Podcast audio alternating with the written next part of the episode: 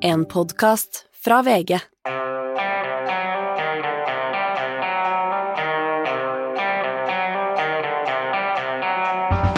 Ikke visste jeg at alle disse dagene som kom og gikk, det var selve uke 24, og nå er i hvert fall her i Oslo siste uka av uh, før skoleferien, uh, Hanne?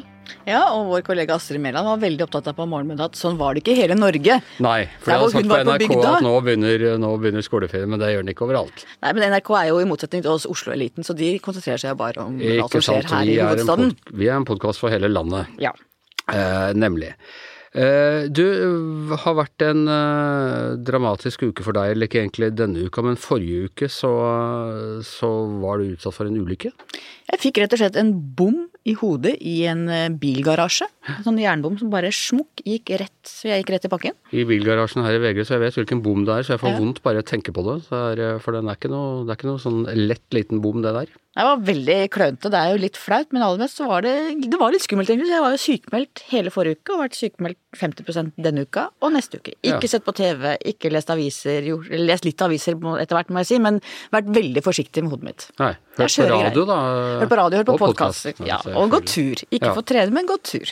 Men det det blant annet har ført til, er at du ikke skriver din uh, tradisjonelle eh, eh, lørdagskommentar i morgen. Uh, det skal Yngve Kvistad gjøre, og vi skal snakke litt om det temaet litt se- seinere i, i sendinga. Men, uh, men hva tror du at du ville ha skrevet om hvis du hadde skrevet? Jeg tror kanskje alt det som skjer på Sørlandet med Kristiansand og utbryter, oppløsning av storkommunen og Arbeiderpartiet og Senterpartiet, hvor Senterpartiet bare har kjørt over Arbeiderpartiet. Til og med en sånn hemmelig protokoll viser det seg nå. Ja, det er, det er, det, Dette er en sånn sak som, som bare fortsetter å gi, for, særlig for oss journalister. Må bare kudos til Dagens Næringsliv som hadde funnet ut at eh, Altså det er en hemmelig B-protokoll, er det det de kalte det, fra, fra Ja. Hurdal? Og som da både Erna Solbergs regjering hadde og Jens Stoltenbergs regjering hadde, angivelig. For det er veldig hemmelig rundt det hele, men, eh, men det har de hatt. Hvor det er bare veldig, veldig få som vet om hemmelige avtaler om spesielle ting. Og da Men er det hvorfor er det hemmelig hvis det Hvorfor kan de ikke si det, når de tross alt det blir Når de setter politikken ut i livet, så blir det jo kjent uansett? Ja, men Vi ser jo hvor utrolig kontroversielt det har vært. og det er klart at Når det kommer fram at Arbeiderpartiet har gitt det en hemmelig protokoll til Senterpartiet, mot egne lokalpolitikere nede på Sørlandet sin vilje, mot all sunn fornuft å reversere og reversere, det er helt i Senterpartiets ånd og helt mot alt Arbeiderpartiet egentlig står for. Så kanskje man hadde håpa fra Jonas Gahr Støres side at det, ville ordne seg på et eller annet vis, at man lukket øynene. Det er Ja. rart. Ja. Uh, er det mer i denne B-protokollen som vi kan kose oss med i tiden som kommer? Det vil jeg nesten tro. Det er jo da angivelig bare på én av fire sider, som de andre protokollene har vært om. men vi som jobber i en tabloid og skriver kort, vet at du kan få sagt mye Ja, ja, på én ja, side. En side er å gå ned litt på skriftstørrelse og sånne ting, så kan du få hele Bibelen inn på en side, egentlig. Du, uh, en annen god sak fra, fra DN eh, eh, vet, det er jo ikke Ja. eh, Det er en De hevder at eh, Hadia Tajik ikke var ønsket på LO-kongressen. At sentrale folk i LO jobbet hardt for å holde henne unna eh, LO-kongressen. Ja, det som jo er eh, vi ser, er at det har vært kommunikasjon om hennes deltakelse på L-kongressen. Og så eh, er det da Ulike oppfatninger av ulike oppfatninger av hva som ligger ja. i det. Men eh, det fremgår jo ganske tydelig at LO ikke ønsket henne der. De ønsket Ja, de var redde redd for at hun skulle komme med et eller annet utspill, eller Ja, eller ta oppmerksomhet fra, fra LO-lederen og statsministeren og Det var jo Bakteppet her er at det var jo de tre LO-toppene eh, som gikk ut mot Hadia Tajik under denne pendlersaken, som antagelig i hvert fall bidro sterkt til å vippe at hun gikk av som både nestleder Men og så har man vel prøvd å spille litt ned deres uh, rolle i den saken fra, fra LOs side. At nei, det var egentlig det var VG som overdrev og i det hele tatt. Men ting tyder jo kanskje på at det ikke var det, da. Absolutt, og jeg tror ikke LO er veldig glad for at dette har kommet ut, for det er klart det er ikke bra i det hele tatt. Og det var jo, hun var jo påmeldt LO-kongressen, og så var det da en, en avstemning i Stortinget om monarkiets framtid som gjorde at hun måtte være i Stortinget istedenfor. Nå vet vi ikke om hun hadde dukket opp der, men at tidligere nestleder i Arbeiderpartiet, som har gjort alt det Hadia Tajik har gjort for, eh, Nei, for arbeidsmarkedet, ikke sant, der hun har Og, som- og Støre trakk det fram. Og ja, i det ja. ja. Hun har gjort en kjempejobb, og de var i utgangspunktet veldig fornøyd med jobben hun gjorde. At de da på en måte sørger for at hun ikke kommer, eller prøver å sørge for at hun ikke kommer, det er ganske sterkt. Og det sier jo litt om, om et forhold mellom Arbeiderpartiet og LO som ikke er som det burde være. Men vil det si at hvis ikke hun hadde kommet, så hadde kanskje monarkiet blitt avskaffet i Stortinget? Ja, og da hadde det ikke blitt fest på Deichman. Da hadde det vært mye som hadde vært annerledes i Ja. dag. Nei, Ja. ikke egentlig. Nei. Deichman-saken, jeg ser, ser den splitter folket. Eh, Burde, burde prinsessen få bruke Deichman til 18-årsdagen sin, eller ikke? Ja, åpenbart. Jeg syns det er surmaga en del av den kritikken som kommer. Og særlig når fagforeningsfolk i Deichman går ut mot det. De burde jo prise seg lykkelig, alle som jobber på biblioteker, om at vår tronarving skal feire sin 18-årsdag, sin myndighetsdag, i et bibliotek, i det store biblioteket, omgitt av bøker. Er, jeg syns det er helt natta. Da må jeg også sitere Astrid Mæland, vår kollega som ser dette fra, fra utsiden av Oslo-boblen, at man snakker om at biblioteket var, skulle være stengt én dag. Vet dere hvor ofte biblioteket er stengt rundt omkring i landet? Som de distriktsvennlige podkastene vi er, så, så er selvfølgelig vi klar over det, at der er det slett ikke sånn bibliotektilbud som vi er vant til her i hovedstaden. Nei, og som en eh, representant for Senterungdommen fra eh, jeg tror det er Tromsø, Nord-Norge i hvert fall, sa at de som ønsker å låne en bok den dagen, kan jo dra til noen av de veldig mange andre filialene av eh, Deichmans bibliotek rundt om i Oslos bydeler. Og det er kortere reisevei for de aller fleste i Oslo til nærmeste bibliotek enn nesten alle andre steder i Norge. Det er det. Du, siste ting vi må ta innledningsvis. Følger du med på høringene i USA? Ja, det er jo fascinerende greier, Anders. Det er, eh, det er ja, for jeg har snakket om det før, altså den der historiske eh, greia med Og USA på en måte noe, Det som trekkes fram er noe av det verste, men jeg må si det at det trekkes fram er jo noe av det beste. Altså hvordan de kjører den skittentøyvasken sin i, i full offentlighet. Det er noe fascinerende ved det. Ja, og det er jo det som kanskje gir en, et lite håp i det vi står overfor nå, vi, hvor man spekulerer om Trump igjen blir presidentkandidat, alt det vi har sett. Men det at USA er et selvkorrigerende system, at de nettopp, som du sier, vasker skittentøyet sitt i all offentlighet, at de går inn i kjipe ting som har skjedd med full tyngde, høring i Kongressen, det er jo det som jeg gjør at jeg tenker at USA kommer til å klare seg. Men samtidig, altså i sin tid, etter, etter Watergate, da, da tok eh, Nixon ansvaret og eh, trakk seg i, under trussel om riksrettssak. I Iran-kontrasaken så ble jo ble jo Regen sittende, han hadde ikke så lang tid igjen. Det har vært spekulasjoner om dette var at han hadde en begynnende Alzheimer da. Men her er det jo bare full kulturkrig. Det er to eh, republikanere som på en måte er med på eh, disse høringene. Ellers er det en total splitt. Eh, Så det, akkurat det lover jo ikke så veldig godt for det amerikanske demokratiet. Nei, og også det faktum at det store flertallet av republikanske velgere fortsatt mener at valget var stjålet. Så dette er en splittelse som ikke bare er på toppolitikken, men som går helt ned i det amerikanske samfunnet. Det er klart det er grunn til uro, men vi som er glad i USA, Anders, må jo både håpe og tro at det Vi klamrer oss til dette halmstrået.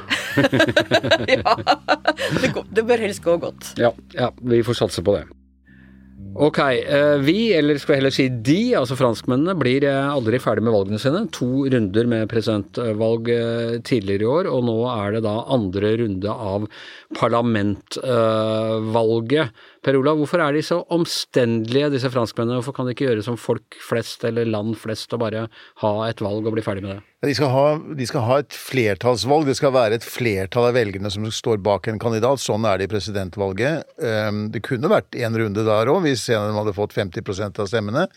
Og det kan være én runde i et eh, valg til nasjonalforsamlingen hvis en vinner 50% Men så er det jo slik at det skjer ikke i presidentvalg, og i de fleste av disse valgkretsene, det er 577 valgkretser i Frankrike, og der skal det da velges en representant, og han, skal, han eller hun skal ha et flertall av, velg av velgerne bak seg. Det, så det, det er nå i andre runde at man får vite den endelige sammensetningen av den nye nasjonalforsamlingen i Frankrike. Og i presidentvalget husker vi at da var, det, da var den største utfordringen eh, fra, fra Høyre. Ytre høyre, kan vi si. ja, ytre høyre. Eh, ikke aller, aller ytterste høyre, men Nei, det var eh, Nasjonal ytre- Samling, da. Ja, ja, de het faktisk det på fransk. Skal vi bare kalle de NS heretter i sendingen? Eh, ja, bare vi skal være litt forsiktige med, med stempling, men de heter altså Nasjonal Samling. samling. Eh, og så, denne gangen er det venstre og ytre venstre som er, som er den største utfordreren til Macron. Ja, eh, Jean-Luc Mélenchon, som er en eh, 70 år gammel eh, tidligere eh, medlem av Sosialistpartiet, han brøt ut derfra. Han tilhørte den radikale fløyen der, og, og er langt ute på venstresiden i, eh, i fransk politikk. Han har lykkes eh, med å samle en eh, veldig bred allianse, da, blant eh, en rød-grønn allianse, vil jeg si, da, på i Frankrike. Og vi skal også huske at Mélenchon gjorde det veldig godt i presidentvalget han stilte opp der. Han holdt på å slå ut Marine Le Pen. Eh, på, for, om den andreplassen som ga mulighet til å utfordre Macron eh, i siste valg. Han var veldig nær ved å klare det. Fikk over 20%, godt over 20% av stemmene den gang. Og i den første valgrunden, hvis man regner om liksom, oppslutningen i prosent, da, så gjorde hans eh, allianse, venstreallianse, omtrent like bra som eh, Macrons eh, regjeringsparti. Og, og, hvis de nå da gjør det bedre, hva, hva, da må da Macron regjere med et flertall mot seg? Ja, øh, Mélenchon har gjort det veldig klart at hans ambisjon er da å bli Frankrikes neste statsminister. Danne regjering. Eh, det er jo slik at eh, det er presidenten som peker ut en ny statsminister, men den statsministeren skal da ha et, et parlamentarisk grunnlag i nye nasjonalforsamlingen. Og hvis, eh, hvis Mélenchon skulle klare å få den største partigruppen, så vil det være naturlig, da. Eh, og da vil du komme opp i en sånn situasjon som av og til skjer i Frankrike, eh, men som ikke er vanlig. Det som kalles cohabitation, pardon my French, men det er sånn samboerskap, da. Mm. hvor du har liksom The odd couple. Nettopp. Og jeg tror det ville blitt et veldig vanskelig og veldig krevende, anstrengt samboerforhold hvis disse to skulle styre Frankrike sammen, Macron eller sånn. Så til tross for alle disse omstendelige valgomgangene sine som skal sikre rent flertall og sånne ting, så kan de havne i helt håpløse parlamentariske situasjoner, de som vi. Det kan de. Også, men det mest sannsynlige utfallet her er jo at Macrons øh, sentrumsallianse blir det største partiet i nasjonalforsamlingen, og slik sett øh, øh, er de som da øh, kan få en statsminister. Men da vil Macron, i motsetning til i dag, som han har et stort flertall, være kan komme i en situasjon hvor han må trenge støtte fra andre partier. Da vil han neppe gå til ytre venstre, da vil han antagelig heller gå til de som nå kaller seg republikanerne, og som er liksom de gamle gaullistene, som er et uh, sentrum-høyreparti. De hadde champagne, men rørte nei. Uh, når, altså valget nå i helgen, når eh, kommer resultatene?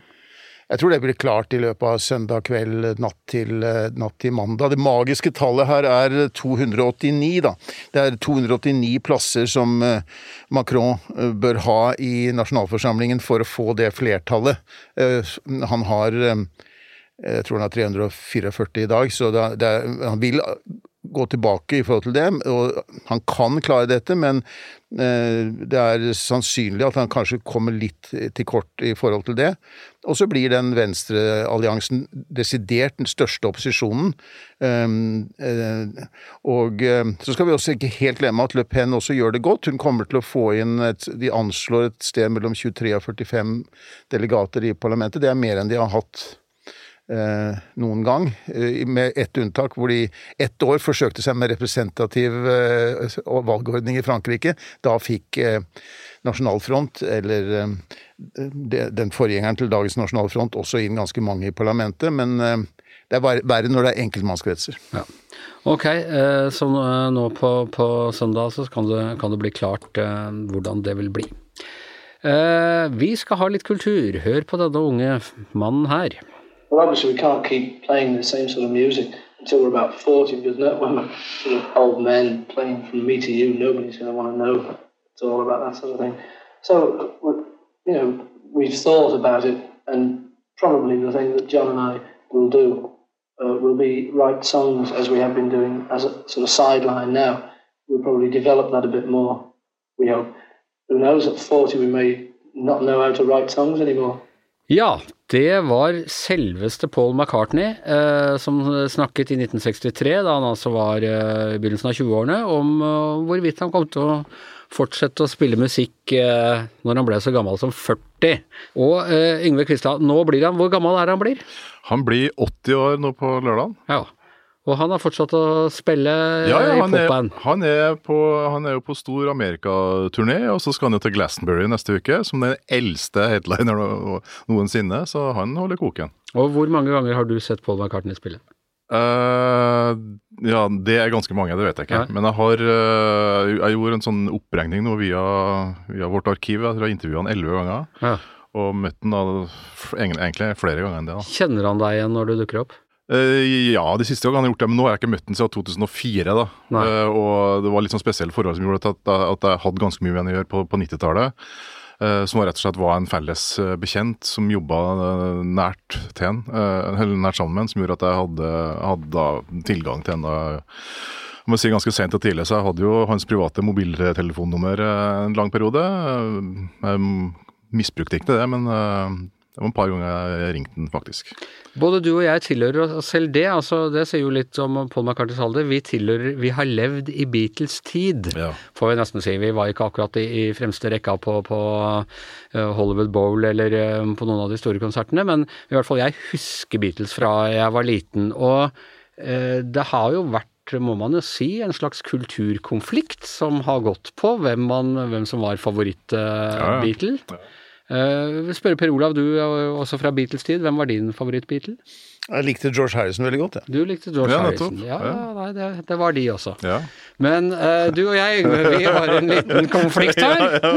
Og hvem som var den beste av eh, John Lennon og, og Paul McCartney. Og jeg følte i oppveksten så var det helt sånn soleklart uh, at vi som holdt med Lennon, vi var liksom de tøffeste og kuleste. Mm. Men vi er blitt litt sånn tatt rotta på de siste årene. Blitt litt marginalisert. Vi er blitt litt marginalisert, rett og slett. Nå er liksom alle enige om at uh, Paul McCartney er den kuleste. Det er jo litt sånn som med, britiske skuespillere, vet du. liksom sånn eh, at eh, den, den som, De som holdt ut lengst, var på en måte liksom de, de, de store, men det var jo de som hadde vært Jo, men det er jo ofte at den Ja. som dør og blir legende og, og Jo sånne da, ting. det, det er klart. Uh, og sånn sett så, så ga jo også døde jo også John Lennon på topp da, med, de, med platene utga i, i, i 1980.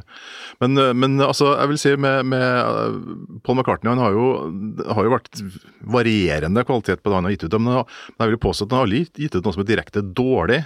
Uh, selvfølgelig med noen unntak, men altså sånn, mesteparten er hørbart og kan forsvares og er interessant, da, på et eller annet vis. Og Og, det, er jo, det er jo nettopp det, altså med, fordi at det, det med Paul McCartney som komponist særlig, er jo nettopp det at han, han, er- han er autodidakt, det var jo alle sammen Beatles, og de, de var jo livredde for at hvis de fikk noe opplæring, så ville de jo ikke klare å gjøre det de gjorde. Eller magien forsvinner. Ikke sant? Og, men samtidig så har jo alltid McCartney han har alltid streba mot eh, og ordvalget ikke tilfeldig, altså han har streba mot det perfekte og det skolerte, men uten egentlig å klare å komme dit via da eh, akademisk eh, vei. Eh, han kan til dags dato ikke noter ifølge seg sjøl, men han har jo skrevet altså, symfoniske verk og oratorier og det ene med det andre, så og er, og en, Jeg satt faktisk og så på en, en dokumentar, en ny dokumentar men eh, i, i går kveld. Det er Rick Rubin-intervjuene, hvis du har sett dem. Ja. Eller jeg har ikke sett det, men Ja, det er, er altså han eh, gamle Ja. ja. rapp... eh, Ja, og der er jo en del eh, også tilbakeblikk og sånt, men også, sånn, også, også, også tester de ut den både ved piano og ved gitar. og sånt. Han har jo, han har jo altså eh, sånn perfect pitch. da, altså Han, han eh, hører en tone, så vet han hva det er, og han er helt altså det, er nesten ja, Det er noe, noe, magisk med måten også han klarer å sy sammen melodier på. Sånt. Han har et helt eget uh, en helt egen melodisk teft. Da, som liksom, noen, skal sammenligne noe med kanskje blir Mozart. Og han blir altså 80 nå. Hvordan skal han, skal han feire med dronninga, da? Eller hva, hva gjør han? Blir det noen parader? Hva Nei, som sagt, han, han, øh, det- blir en liten øh, familiefeiring, har jeg skjønt. Ellers er han som sagt han er på turné, og så skal han øh, til England og Storbritannia og spille neste uke. Ja. Så det blir Han, han feirer sånn som han har holdt på hele tida. Han feirer også 50-årsdagen sin i, i studio i sin tid. Det var en veldig sånn svær greie da han, da han runda runda 50 og liksom makka midt i livet og sånn. Jeg husker vi Jeg reiste jo til, til London prøve å skulle prøve å få tak i noe greier. Det var selvfølgelig klin umulig. Han, eh, han ga bare ett intervju den gangen, og det var til Time Magazine, eh, som alle måtte sitere fra. Men eh, ja, nei, så han Alle sånne dager og sånt, og det var selvfølgelig morsomt da han ble omsider ble 64, da, When I'm 64.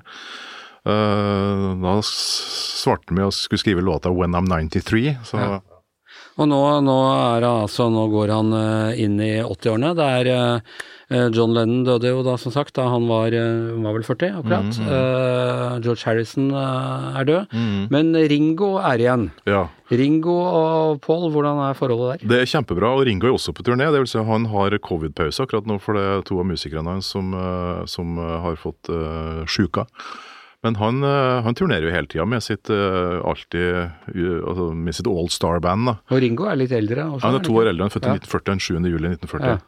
Så, eh, så han feira jo 80-årsdag eh, med, med konsert da, for, to, for to år siden. Men eh, nei, altså de holder det gående, og du var jo så Alice Cooper for ikke lenge siden. Jeg gjorde det. Ja, og så Han syns jeg var den beste i Beatles. ja, Elton John, ja, du, vet, du vet selvfølgelig at eh, han og McCartney har spilt sammen? Ja, Alice Cooper og ja. ja, jeg er klar over det.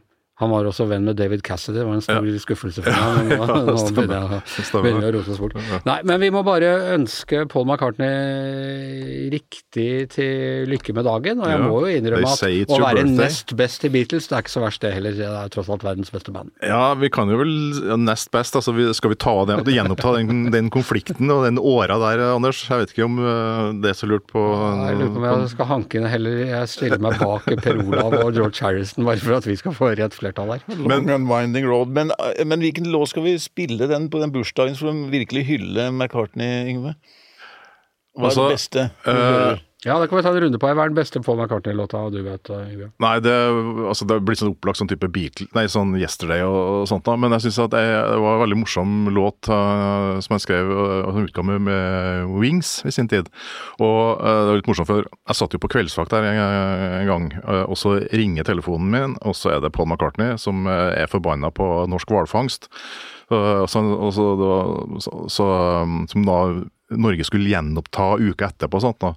Så da fikk vi et veldig fint oppslag da, fra Bastesen og Forbanna og en med andre. Ja, ja, ja. Og så ble Bastesen syns jeg var best i Beatles. ja, og, så, og så var det litt morsomt der, da, så jeg ble intervjua på noen radiokanaler etterpå, og, og sånt, og da spurte jeg meg sammen liksom, hva, hvilken låt skal vi spille, da må vi spille 'Listen to What the Man Said'. Ja, Selvfølgelig. ja selvfølgelig. Eh, Du da, Per Olav? Favorittlåt? Jeg tror Let It Be. Let it be, ja. Ja, så husker jeg den aller første vi sang jeg var bare en guttunge, og øh, i gata der jeg vokste opp, så var det She Loves You. Ja, så den, ja, den var, det var vi, vi skjønte ikke teksten på alt, men øh, vi, den var liksom det første minnet jeg husker om The Beatles. Ja. Nei, jeg, jeg jeg, Beatles er nesten helt umulig. Uh, Across the Universe, kanskje. Uh, something. Det er jo Harrison. da, George Harrison, ja. Nettopp, men jeg har nå jeg joiner George Harrison Ja, ja, ja. for å ned, få stemt ned deg. Nei, ok. Eh, masse gratulerer til Makka, verdens eh, nest beste Verdens nest beste Beatles-medlem. beste ifølge de fleste. Det må, jeg innser at jeg har tapt den diskusjonen der. Da skal vi, eh, da skal vi ha vår faste spalte, kanskje en overdrivelse. Vi, vi, hadde, vi prøvde oss på en spalte forrige uke, Astrid. Hvordan syns du det gikk? Utafor og innafor spalta. Utafor og innafor spalta? Ja, vi måtte kalle den det, for jeg kalte den jo først Woke-o-meter, men det var jo ingen som skjønte hva det betydde. Nei, det er bare sånn vi så skjønner mediebobla innenfor Ring 1, det. Men prøve oss litt nå igjen, da. Ja. Prøv en gang til. Greia er at vi tar opp noen sånne typiske snackiser, som vi kalte det i gamle dager, eh, fra siste uka. Sånn som vi har vært litt, i hvert fall opptatt av sånn inne i mediebobla, og som har gått en kule varmt på eh, sosiale medier. Og så sjekker vi, og så skal vi avgjøre da her ved ukeslutt om det er innafor eller utafor de forskjellige. Så må alle høre på oss etter det her, det er klart. Så ber vi det norske folk rette seg etter det vi Det kommer en enige om. forskrift nå etter det her. Det- Eh, Og hva vi er omforent om er innafor og utafor. Eh, ok, la oss begynne litt eh, politisk. Vi har De som eh, er med oss nå, er altså Hans Petter Sjøli, debattredaktør. Hanne Skartveit, politisk redaktør. Og Roar Hagen, vår eminente tegner. Og kan vi vel røpe av og til den som kan være litt i opposisjon til konsensuskulturen på avdelingen, Roar? Det ser jeg som en plikt. Det ser du som en plikt, og det er en plikt du gjør. Eh, Er det, er det pliktens gleder her, eller er det en sur Det er både plikt og glede. Både plikt og glede, ikke sant. Vi går hånd i hånd for, for pliktoppfyllende mennesker som deg. Uh, ok, la oss begynne litt politisk. Uh, denne uka så ble man altså ferdig med uh, revidert, og der besluttet regjeringen å ikke røvere drivstoffavgiften. Drivstoffavgiften har, eller altså bensinprisen har vært, begynner å stange mot 30 kroner denne uka. Var det innafor å ikke gjøre noe med det når man hadde sjansen, Roar? Eh, nei, det var utafor. Det var utafor. Definitivt. For, fordi Fordi folk eh, blir blakk, og staten blir rik. Og dette kunne de godt gjøre noe med hvis de ville. Men nå har jo strømprisene gått ned, er ikke det, går ikke, blikket hit som happ? Ja, de går nå ned og opp, men eh, det er klart at staten, staten tar og håver inn på dette her, og kunne da selvfølgelig ha makt til å, og burde bruke den til å sette ned avgiftene, Ja. syns jeg. Og Hanne, hva mener du? Det er innafor. Det er innafor å ikke gjøre det? Ja. Men altså, nå gidder jeg ikke engang å gjenta alle de gode argumentene Roar hadde for at den burde settes ned. Det er helheten, da. Helheten og hensynet til både statsfinansene. Eh, Det er veldig, veldig dyrt. Mange, mange milliarder for en ganske liten effekt. Eh, Og det aller farligste for er den enkelte forbruker. Ja, men det som er faren hvis du gjør noe med helheten, er at da kan renta gå enda mer opp enn den ellers vil gjøre, og det rammer eh, familiene og husholdningene i Norge enda mye hardere. Ja. Og det er Roars skyld, da, hvis, det- hvis du hadde gjort det. Ja. Å ja, åpenbart. Ja, det, dette blir jo påstått, men eh, jeg skjønner jo ikke at det kan være ille for inflasjonen hvis avgiftene og prisene går ned. Og dette brer seg jo inn i alle som skal transportere mat og drikke og alt dette her, er transporttjenesten, ikke sant. Så vi får jo en prisstigning over hele fjøla, men staten håver inn penger. Jeg skjønner det jo ikke. Nei. Ok, eh, videre ut bordet. Astrid, innafor eller utafor? Utafor. Utafor. Man burde ha gjort noe? Ja. Ja. Så du er enig med Roar? Jeg vil begrunne det. Ja, ok. Kom nå med en lang og god begrunnelse. Det er fordi at eh, Arbeiderpartiet lovte i valgkampen at de skulle sette ned drivstoffavgiftene, særlig på bygda. Eh, Og Senterpartiet sa jo at de ikke skulle sitte i en regjering med drivstoffpriser over 20 kroner literen.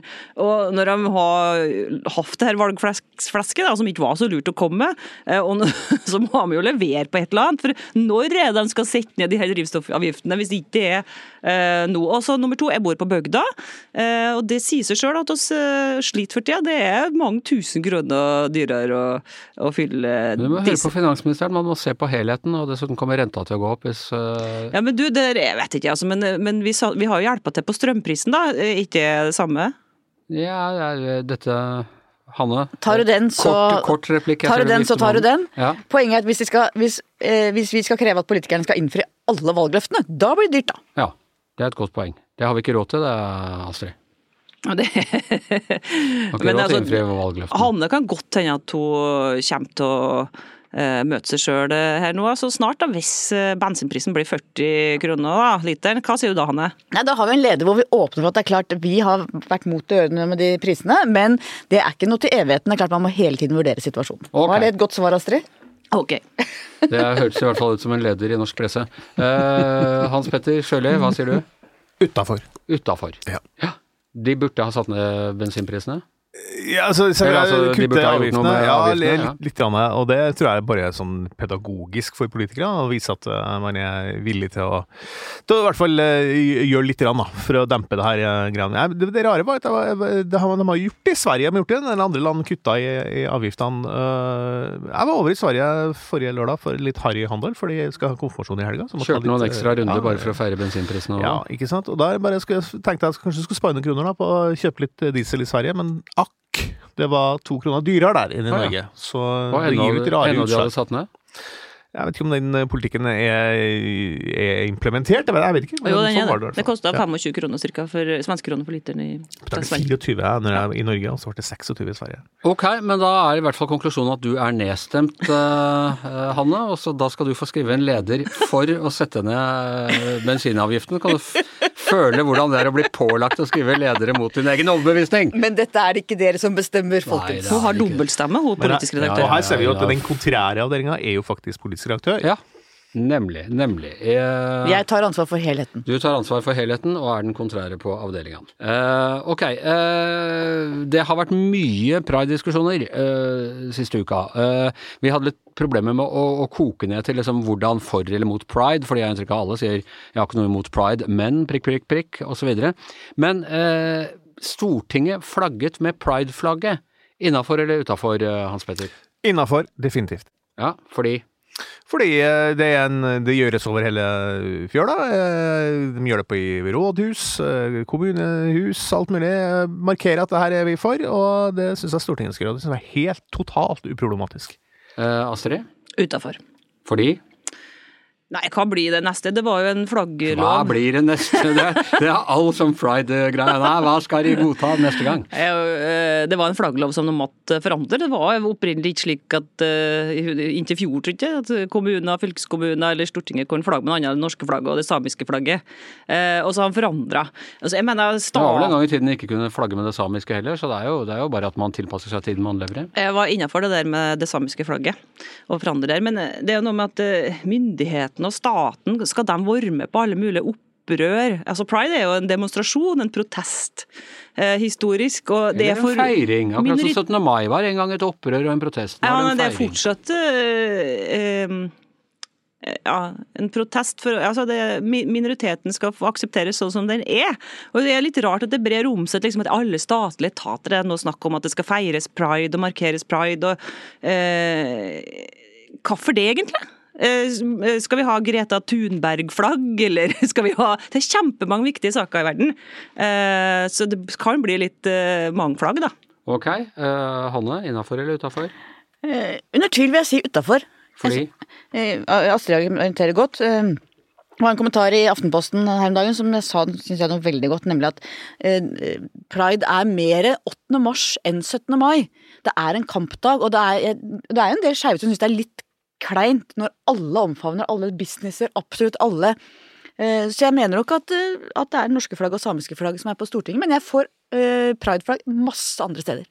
da er vi spent. Da er du på ja, Vippen er du ikke, Roar, men Nei, det er selvfølgelig utafor. Stortinget er lovgivende forsamling og skal vedta rettigheter og, og, og bevilgninger, penger økonomisk til det norske folk. dette dreier seg om rettigheter for det norske folk. Jo, men det skal vedtas i lovs form. Altså, altså Stortinget kan ikke være et aktivisthus som skal flagge for forskjellige gode formål. Det går ikke an, det. Men i, i, i tiår etter tiår, eller hundre år etter hundre år, så har altså mennesker som er uh, født på en spesiell måte som gjør at de, at de eh, blir glad av i noen av, av det samme kjønn, blitt undertrykket. De er blitt forfulgt. Det var forbudt inntil jeg var ti år gammel å være homofil mann eh, i dette landet, og det var, de fikk ikke engang lov til å gifte seg før for en eh, 20 år siden eller noe sånt. Er ikke, er ikke det Altså, det er litt skammelig hvordan de er blitt behandlet gjennom historien, og, og det er litt hyggelig å kunne feire det og gi det en anerkjennelse gjennom eh, eh, gjennom at nasjonalforsamlingen heiser flagget en dag i ja, de 300 Jo, det godt heise flagget som en demonstrasjon, men det viktigste er jo at rettighetene blir oppfylt. At, at lov, er lovmessige rettighetene som er lovbasert. Ja, jeg er enig at det er det viktigste, men man kan flagge ved siden av, kan man ikke? Jo, men det er jo bare en show-off. Altså, det har jo ingen betydning for, for annet enn å, å vise et godt sinnelag. Jeg tror nok det har betydning for en del folk som syns at dette her er veldig flott, da. Som har opplevd eh, den tida hvor det her var forbudt, og det var, du ble kriminalisert, ikke sant. Du måtte gjøre alt i smug.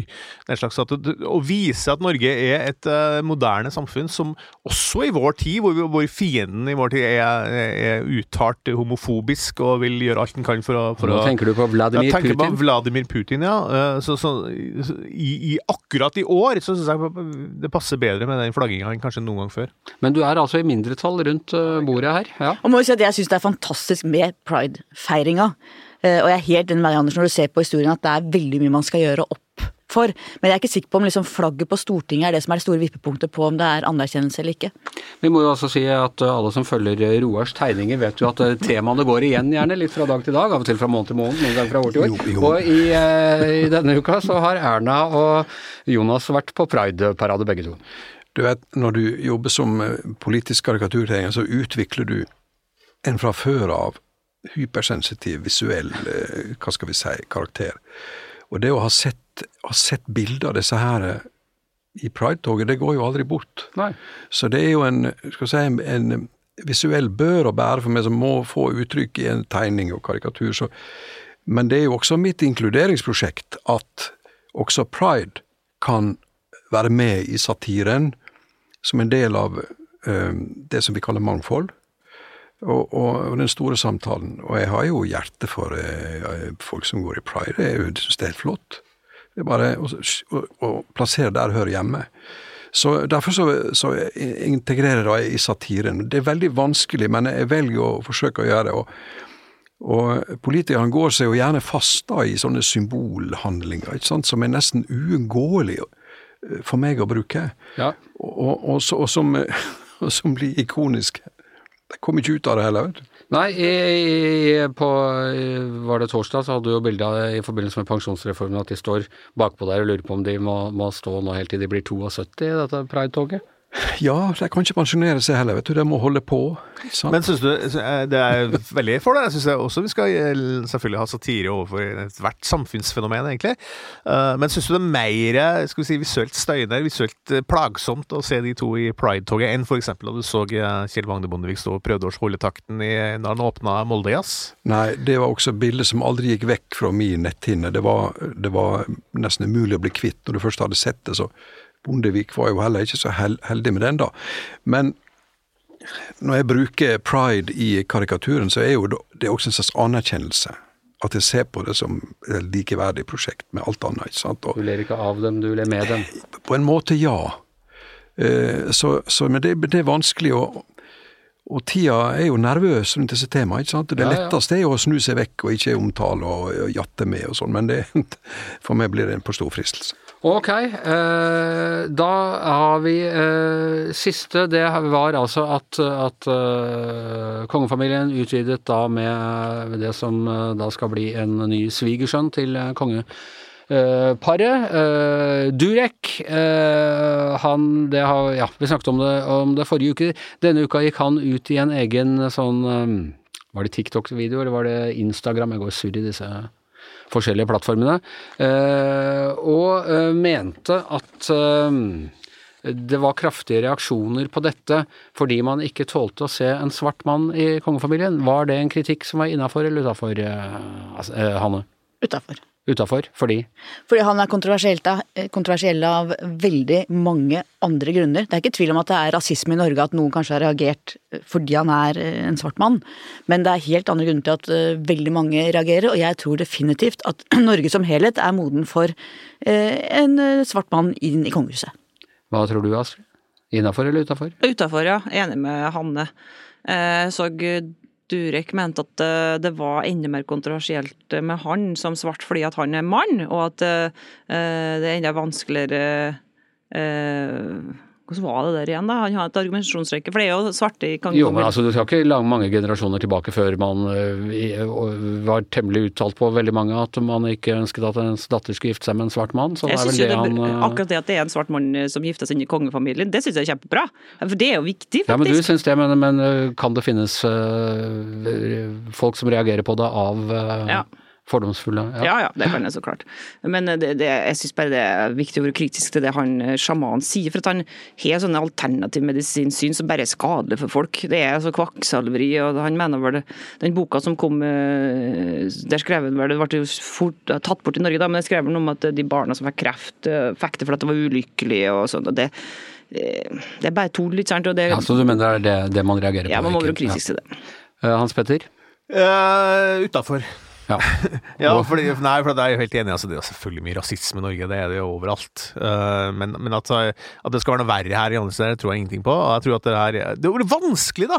Hvordan de der folka der de bruker bare Instagram og, eller TikTok eller hva du sa. Så, så det er vanskelig å snakke med det. De, de, bare, de, de dominerer jo sitt eget Altså, nå snakker snakker du om, om- om dette eh, paret? Durek Ja. og, og Märtha. Uh, jeg syns de burde heller burde sette seg ned med en journalist og så snakke litt ordentlig, litt ordentlig om tingene, i stedet for bare å slenge ut sånne uh, helt udokumenterbare påstander ut på nettet. da. Eh, for det syns jeg er veldig morsomt at eh, vi er blitt på fornavn. Alle sier bare Durek nå. Det, det, han heter vel Durek Verrett. Durek Verrett, ja. Ja. Men det er egentlig Men- Derek. Ja, altså Derek lurer på om kanskje det er gjør det? Ja, ja. Så det er veldig fascinerende at alle sammen går inn til Durek, da skjønner alle hva vi tenker om. Ja, men det Kanskje er Norges mest kjente mann for tiden. viser at han er på vei til å bli, bli tatt inn i, i norske offentlighetsvarmen. Eh, vi kan diskutere hvor varm den norske offentligheten er, selvfølgelig. Hva, nå er jeg spent, Roar. Hva mener du? Nei, det, er- det er selvfølgelig utafor, men jeg beklager jo hvis han har opplevd rasisme personlig. Men han kunne jo ta en kikk på lovgivninga vår, som er helt patent. Kongen har ønska han velkommen. Dronningen, statsminister, partileder, alt som teller i den norske offentligheten, har jo ønska denne mannen velkommen, han blir invitert i selskap osv. Så, videre. så han kan jo vanskelig påstå at han blir avstøtt her. Men han kan jo oppleve rasisme selv om lovgivningen vår er, eh, passerer syretesten. Det kan han, men eh, derfra til å hevde at vi ikke er klar for en svart person inni en hvilken som helst familie, det tror jeg ingenting på. Så, så han, eh, han kunne velge å fase seg inn i Norge litt annerledes. og Han har jo enda sjansen, han blir jo tilgitt hvis han prøver å forstå oss. Ja. Men det hadde jo vært altså, Det er ikke mange år tilbake at det her har vært veldig kontroversielt, vil jeg tro. Så det, det er jo Tilbake til det vi snakka om i stad, så er det jo pride-bevegelsen og den, den skal vi si, den eh, wokifiseringen som eh, Astrid nevnte her i stad, som har skjedd i Norge de siste 20 årene, er jo helt eh, enorm fremskritt, enorm frigjøring, da. Som gjør at det her er mye, mye mye mindre kontroversielt for veldig veldig mange flere da, enn det var for kort tid tilbake. Men ting har i hvert fall skjedd med oss nordmenn på 20 år. Det kan jo være at det er noe med oss også, eh, uten at jeg skal, skal eh, Og det er det verdt å flagge for på Stortinget. mener. Verden går framover. Verden går i hvert beveger seg i hvert fall, ikke alltid, ikke alltid framover, men, eh, men er i hvert fall i bevegelse. Eh, og med det så er Giæver og gjengen eh, over for eh, denne uka. Tusen takk til Yngve Kvistad, tusen takk til Per Olav Ødegaard, tusen takk til Hans Petter Sjøli, tusen takk til Astrid Mæland, tusen takk til Hanne Skartveit, tusen takk til Roar Hagen. Jeg heter Anders Giæver, og jeg og min gode venn og makker produsent Magne Antonsen, vi tar ferie fra uka, men Giæver og gjengen er ikke borte for det. Disse hardtarbeidende folka som sitter rundt meg her, og, og andre, kommer til å være til stede hver eneste dag, hver eneste hverdag gjennom hele sommeren så øh, kommer det podkast. Så husk på å laste ned og hør på oss, og så høres akkurat dere og jeg igjen om noen uker. Du har hørt en podkast fra VG. Ansvarlig redaktør, Gard Steiro. I've been around for long, long years, stole many man's soul and taste. Men hva slags band er det her? Er det Du, det er The Rolling Stones. The Rolling Stones, jeg Ser du ikke at jeg har Mick Jagger-lipp av meg? I was around when Jesus Christ at his moments of doubt and pain.